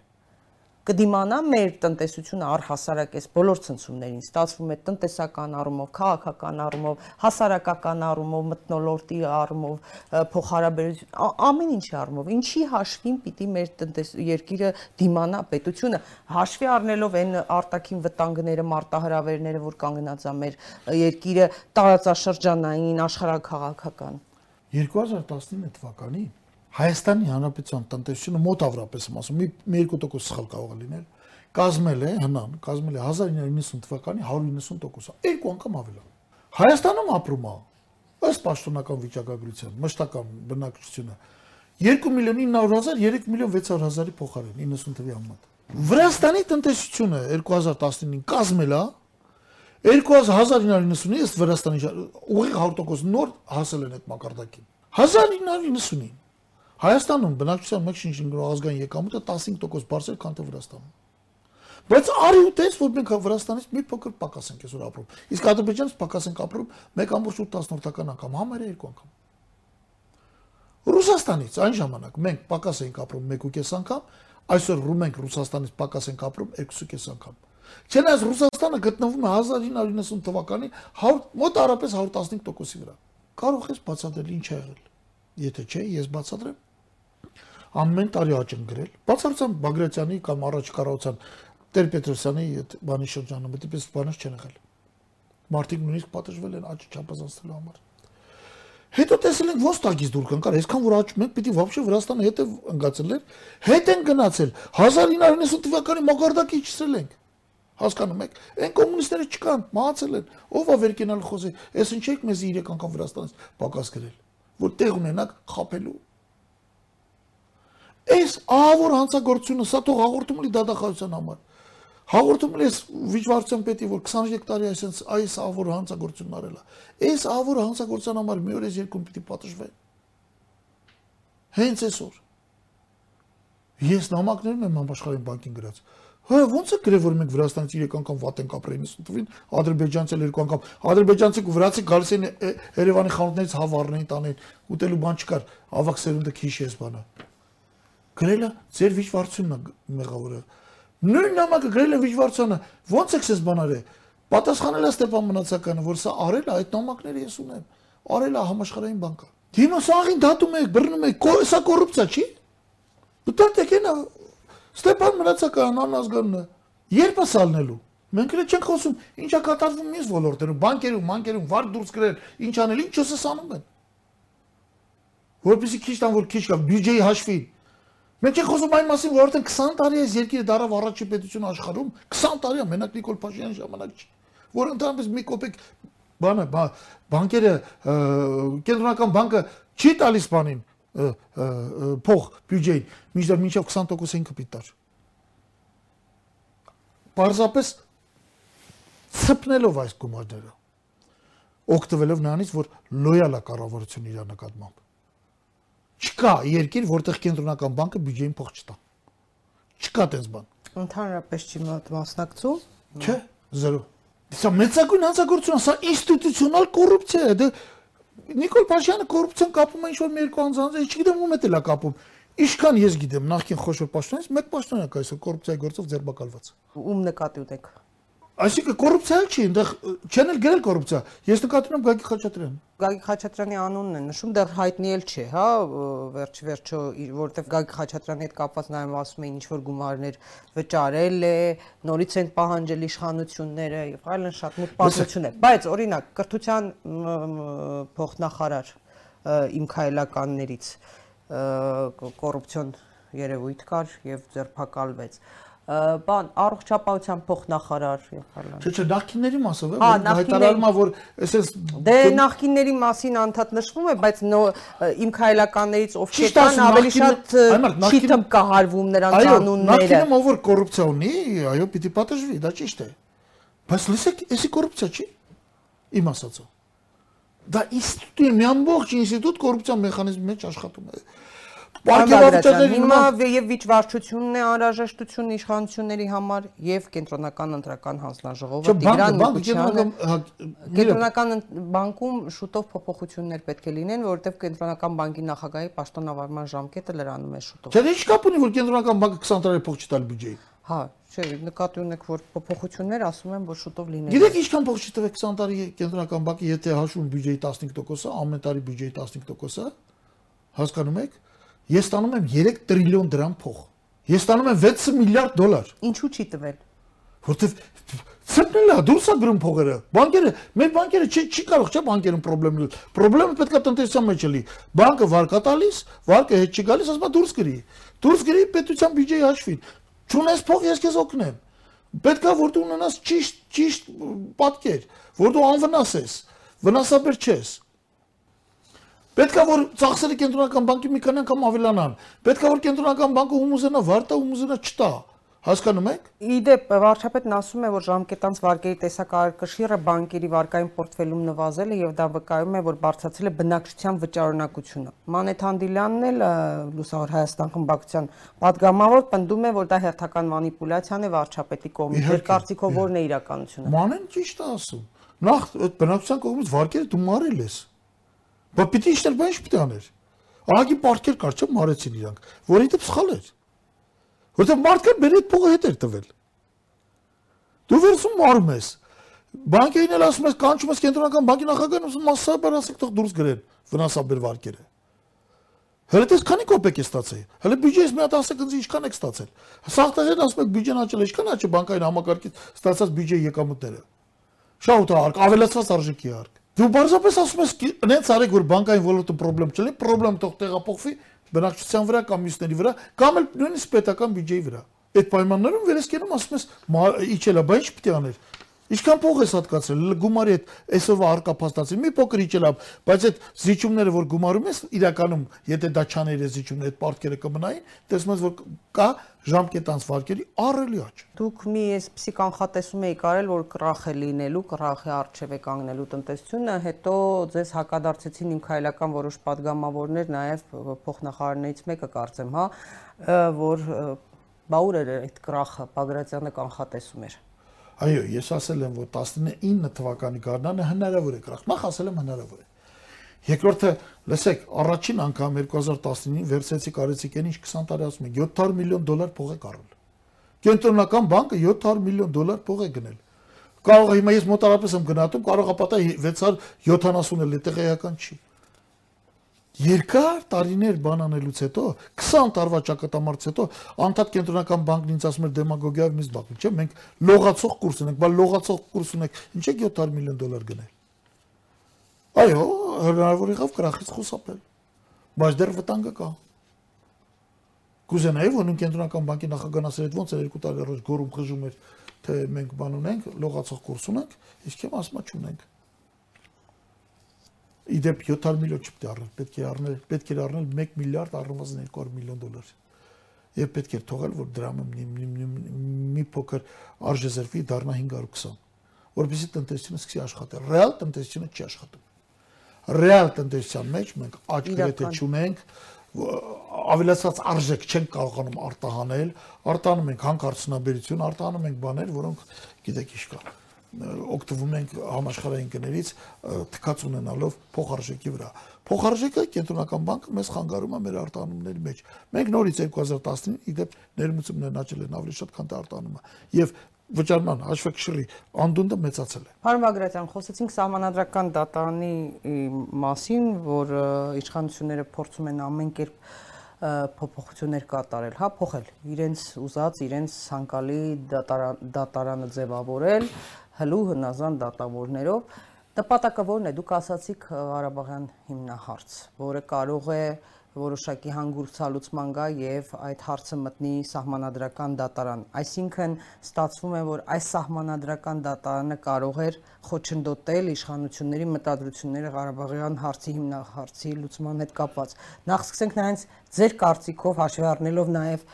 Մյունխենում Ալիև Փաշինյան հանդիպումը այդ դեպատը իշխանությունները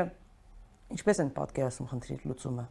Ես դժվարանում եմ ասել, դա բարթագույն հարց է։ Ալիև Փաշյան հանդիպումը ցույց տվեց, որ Ալիև օրակարգ ունի, Փաշյանը չունի։ Փաշյանն ինչ էր ասում, ասում էր, ես տվել եմ նաև Ադրբեջանի անունը որ պետք է բավարարի կողմերի, երեք կողմերին, ասում էր դա միկրոհեղափոխություն է որ ինքը նման բան է ասել, որ խնդրի լուծումը պետք է բավարարի երեք կողմերին՝ Արցախին, Ադրբեջանին եւ Հայաստանին։ Հա, բայց Արցախում չասեց 19 թվականի օգոստոսի 1-ին, որ Ղարաբաղը Հայաստանը եւ վերջ։ Հիմա հիմա ինչ ասենք, ոնց ասենք։ Ալիևը ասածների մեջ հակասություն չկա։ Արցախում ասեց, բայց Մյունխենում չասեց։ հա, Ընդ որում Դե Մյունխենում թող Ալիևի դեմն ասեր։ Հիմա ստացվում է, որ ինքը օրակարգ չունի։ Մեզ մի բան ասում, դրսում մի բան։ Գուցե դուք կասեք դա դիվանագիտական խելացություն է, դա Աստված։ Բայց Ալիևը ոչ ներս եւ ներսում եւ դրսում նույն բանն ասում։ Ասում է Ղարաբաղը կլինի երել փուլերով, հիմա չենք որոշելու։ Սա հողերը հետ կտակ, Ղարաբաղն էլ կպահենք, մի քիչ ինքնա ինքնավարություն կտանք։ Լավ ինքնավարություն։ Ու պիտի վերաբնակեցում լինի։ Հա, նույնիսկ Շուշի անունն է նշվում։ Այո, ահա։ Հիմա մենք սան ինչ ենք պատասխանում։ Ահա, ու ասեց Ալիև, ասեց ինքնորոշվել եք ուզում, գնացեք ինքնորոշվեք ուտեղ ուզում եք, բացի ոչ Ադրբեջանից։ Մենք սրան պատասխան չտվինք։ Ես էլ ենթադրում եմ, իրավունք ունեմ ենթադրելու։ Գործերը լավ չեն։ Նման խիստ հարցադրում Ալիևը չի արել 5 տարի առաջ, 10 տարի առաջ, 15 տարի առաջ, 20 տարի առաջ։ Հասկանում եք։ Նույնիսկ փուլային լուծման առաջին նախագահի դեպքում խոսքը չի Ղարաբաղի ավտոնոմիայի մասին խոսքը եղել է փուլերով հասնենք անկախության։ Եկել է երկրորդ նախագահան, ասել է փաթեթով։ Ինչ որ իմաստով Փաշինյանը այլ զրույցներում, նույնիսկ գրառումներում բանում, ասենց ակնարկում էր այդ փուլայինը, քայլ-քայլ։ Հա։ Երկրորդ եկել է երկրորդ նախագահան։ Ասել ախպեր ջան, ասලා, փաթեթով գնանք, մի անգամից դառնանք բան։ Եթե մի բան տանք, հետո հետ չենք բերի։ փաթեթով դա Բայց առաջնահերթությունները դարձյալ ֆիքսված էին, հա, ինքնորոշում։ Հիմա ես ես օրինակ չգիտեմ, ես չեմ ուզում մեկնաբանել։ Իմ կարծիքով Փաշյանը շատ նեղն է։ Եվ ինքն է նեղը, եւ ինչեր եւ լավը վերջերս էլ չի հարցակվում Ղարաբաղի իշխանությունների վրա։ Ինչեր պետք հարցակվել նրանց վրա թույլատնել։ Ոնց, ինչ է, ինչ պետք էր ասեցին, ասեցին բան, ոչ թե ասում էին նախագահ իշխանություններ Արցախի, այլ մարսպետ։ Մարսպետներ, մարսպետն էլ ասվեց նաև։ Ես իմ ենթադրությունն է, որ մեր դիրքերը թույլացել է։ Եթե Փաշյանը իմանար, որ Ալիևի պես չեն մտածում Միսկի համանախագահ երկրները, ես Փաշյանին գիտեմ նա զայնը կբարձրացներ բայց տեղի ունեցել տեղի ունեցել փոփոխությունը որը արդեն հենց իրա իշխանավարման ընթացքում, որոնք թույլ են տալիս Ալիևին նման ձևով մեզ դնելու։ Հələ տեսեք իրան տեսեք է։ Ինքը մեզ նիստ խնդրելու բան ունի։ Մենք խնդրելու բան չունենք։ Ղարաբաղի հարցը լուծել է։ Իհարկե հաղթանակով լուծել է պատերազմը։ Հիմա ես ինձ թույլ եմ տալի ընտրելու։ Լավ է Հրար Թոմասյանը ոնց կարող է պատահի լինի համանդրական հարակվեն Հրար Թոմասյանի գործը ես չեմ հավատում։ Ուրեմն դրա հետևում ուրիշ բան կա ինքը ուզում է երևի ինչ-որ համանական դատարան, որտեղ խնդրեմ չունեն, ինքը ինչ-որ խոստումներ է տալիս։ Եթե խոստումներ չի, ինքը ինչքան Պարզամիտ քաղաքական գործիչ պետք է լինի, որ հանրակվե անի ինչ որ մարդու գործից անելու համար։ Չի վախենա նման բանի գնալու։ Գնալ որքան էլ ասենք հասկանալի է իրենք ասենք ասացին սայթակում է եղել որ պատերազմում զոհվեցին այդ զինվորները մեր ворթիները զոհվեցին հանուն ոչնչի դիտավորություններ թե պատահականություններ թե բայց չեն վախենա որևէ նման ված սցենարի գնալու։ Նայեք, ինչքան էր սահմանադրական դատանը փոխեն։ Ինձ դուր չի գալի Փաշյանի մտածելակերպը։ Ինձ դուր չի գալի նրա հապճեպ մոտեցումները։ Ինձ դուր չի գալի այն, որ նրա որոշումներում հատկապես տնտեսական սոցիալական խորություն ես չեմ տեսնում։ Բայց մյուս կողմից ես Փաշյանին ճանաչում եմ Ու այդ բառերը հասկանում է։ Ես ես վստահեցնում եմ ես կարող եմ ենթադրել, որ մտածում եմ երևի ինչ որ խոստումներ կա, մտածում եմ երևի ճար չկա։ Ես էլ եմ ասում, ասում եմ, մինչև դուք զբաղված եք, չգիտեմ, մինչև համանadrական փոփոխություն, չգիտեմ, ունեցված, ունեցված, չգիտեմ, անդադ խոսում եք կոռուպցիայից բանից, վաղ բան բանից անցնելու է։ Ամեն տեղ արեք, որ կոռուպցիա գտել եք, բան էլի տարեք։ Վաղը բանը բանից անցնելու է։ Ես վախենում եմ, որ այս տարի իրավունք ունեն վախենալու։ Շատ մեծ տոկոս չեմ տալի դրան, բայց այս տարի Հայաստանը կարա տակնու վրա լինի։ Ղարաբաղը տակնու վրա լինի։ Այդ Մյունխենի այդ զրույցը ինձ վախեցրեց։ Այդ երկխոսության մեջ տոներ տալիս Ալիևը։ Երբեք Ալիևը 10 տարի առաջ կամ նրա հայրը Հեյդարի հետ ես էլ եմ անդու իհարկե բանակցում էր Տեր Պետրոսյանը, ոչ ես Հեյդարի հետ բանակցում էի։ Երկու-երեք անգամ Տեր Պետրոսյանը խնդրել է, ես գնամ գնացել եմ մանավանդ տարածքները գրավելուց հետո Հեյդարնձի ասում էր այ բալա մեծ ձեր տարածքները չի այդ ցավ տարամ Ղարաբաղ հասկացանք էսի տալիս ենք բայց այն տարածքները ու բերում են հետը քարտեզ ես նկարել եմ դա ունեմ այդ նկարը ձեռով նկարած ֆլոմաստերով գունավոր է շրջանները Գրանտ ջան ասում էր посмотри эти красные эти карабахцы Левон ջան գրանտ ու скажи пускай внимательно посмотрит Տեր Պետրոսյանը սա ցես կհաստատի լսեք Գիտեք ինչ օրի էին։ Էս Ասլան բալա է դարել Ալիևը։ Պարոն Բագրատյան, տեսեք, ամեն դեպքում հա, մասնագետները, փորձագետները ասում են, որ գործադիր իշխանությունը վերցրել են, օրենսդիրը իրենց ձեռքին է, ձևավորել են մեծամասնություն են լիարժեք, մնում է, այսպես ասած, դատականը։ Սուտը դատականն են վերցրել։ Դատականն են վերցրել, մնացել է սահմանադրական դատարան։ Սահմանադրական դատարան ուրիշ պատմություն է։ Ահա, Սահմանադրական դատարանը ինչ որ ադմինիստրատիվ դատարան չի։ Այո, սահմանադրականություն։ Դատարանը դատականը վերցրել են որտեղ ԲՏԽ-ն իրենցն է եւ կարծես թե չափածուցեցին որ ավելի լավ ավելի լավ կադրեր են նշանակում։ Այսինքն իշխանությունը կարելի ասել ամբողջովին կենտրոն հիմա էլ Արցախում ընտրություններ են, ամեն կերպ փորձում են միջամտել ձևավորել իրենց ցանկալի իշխանությունը, ստացվում է, որ Հայաստանի իշխանությունները, հեղափոխական իշխանությունները փորձում են ամեն կերպ իշխանության լրիվ կենտրոնացում անեն իրենց ձեռքին։ Տեսեք,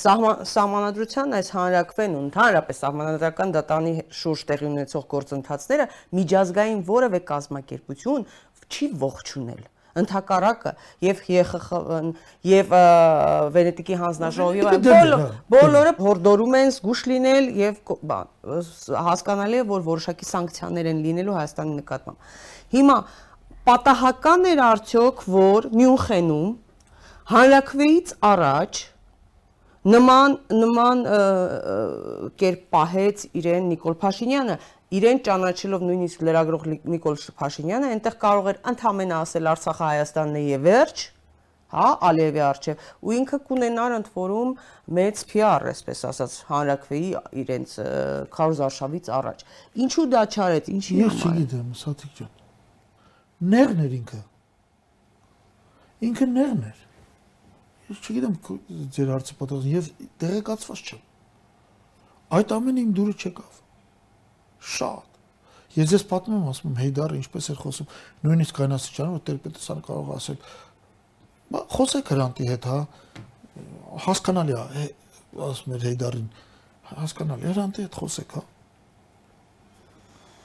Մենք իրավունք ունենք այդպես խոսելու, որովհետև հաղթած կողմ ենք, հաղթել ենք։ Այդտեղ իմ դուրը չեկա Փաշյանը։ Ես չգիտեմ ինչով կարելի է նրան օգնել։ Կարծում եմ նա օգնության կարիք ունի Ղարաբաղի հարցում բայց ինքը Լևոն Տեր-Պետրոսյանի հետ նույնիսկ հանդիպումից հետո ասաց որևէ արժեքավոր բան չգտվեց այդ զրույցը Ղարաբաղի մասին էր. Զրույցը ասել էր եւ նոր բան չի ասել Լևոն Տեր-Պետրոսյանը կարիք ունի չեմ կարող ասել նախ ինչ կարիք կար նման բառերով արտահայտվելու որակելու Ինչ կլինի, եթե սահմանադրությունը իրենք այս փոփոխությունները անցկացնեն, այոն որևէ կերպ անցկացնեն։ Դրա համար եմ ես մտածում, որ իրանք ուզում են ստանալ սահմանական դատարան, որ ինչ փաստաթղթեր ներկայացվի հաստատի։ Ըստ մենակ Փաշյանը չի, Արմեն Սարգսյանը ոնց վազելով ստորագրեց։ Այո, իհարկե։ Դա հակապետական է, այդ մարդը պիտի սահմանությունը պաշտպանել, այստեղ ավելի շատ պիտի Արմեն Սարգսյանը մեղադրեն ավելի շատ քան թե ազգային ժողով։ Ոնց կարելի է այդպես մարդուն բերել դնել նախագահ։ Ինչ կլինի, եթե ամեն դեպքում փոփոխությունները լինեն։ Դե ո՞տ կլինի։ Որտեւ այս դեպքում մենք ունենանք սահմանական դատարան, որը կարող էր ասել ոչ, եղբայր։ Դե հիմա պատերազմը պատերազմը, եթե աշխարհն ասում է հայերը, գիտեք ինչ կա, վիճակը այսպես է։ Մենք ձեր հավեսը չունենք, այդ տարածքները տվեք, այդ Ղարաբաղն էլ ոչ մի կարգավիճակ չենք տալիս, պետք է ասենք, չէ, ու սկսվի մի հատ դաժան պատերազմ։ Սենց, եթե տանք։ Սենց էլի դա սենց կստանանք ավելի դաժան պատերազմ, որովհետև կստանան կվերցնեն Ղարաբաղը ու հետո կարձակվեն Հայաստանի վրա։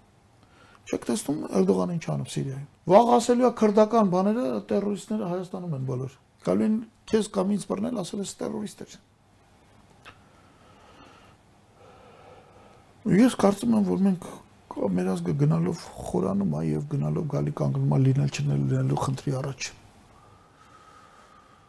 Այս պահին հանկարծ հանդես է գալիս Նիկոլ Փաշինյանը իր անձնական ամբիցիաներով, ինչ որ հեղափոխություններով, միկրոհեղափոխություններով։ Մի հատ պետք է նստել լուրջ մտածել ընդհանրապես ինչքան են մեր շանսերը օրեցօր վատացող։ Շնորհակալ եմ, պարոն Բագրատյան, հետաքրքիր զրույցի համար։ Հուսանք ժողովուրդը ճիշտ կկողմնորոշվի։ Չնայած լինում են դեպքեր, երբ որ ժողովուրդը սխալվում է նաև։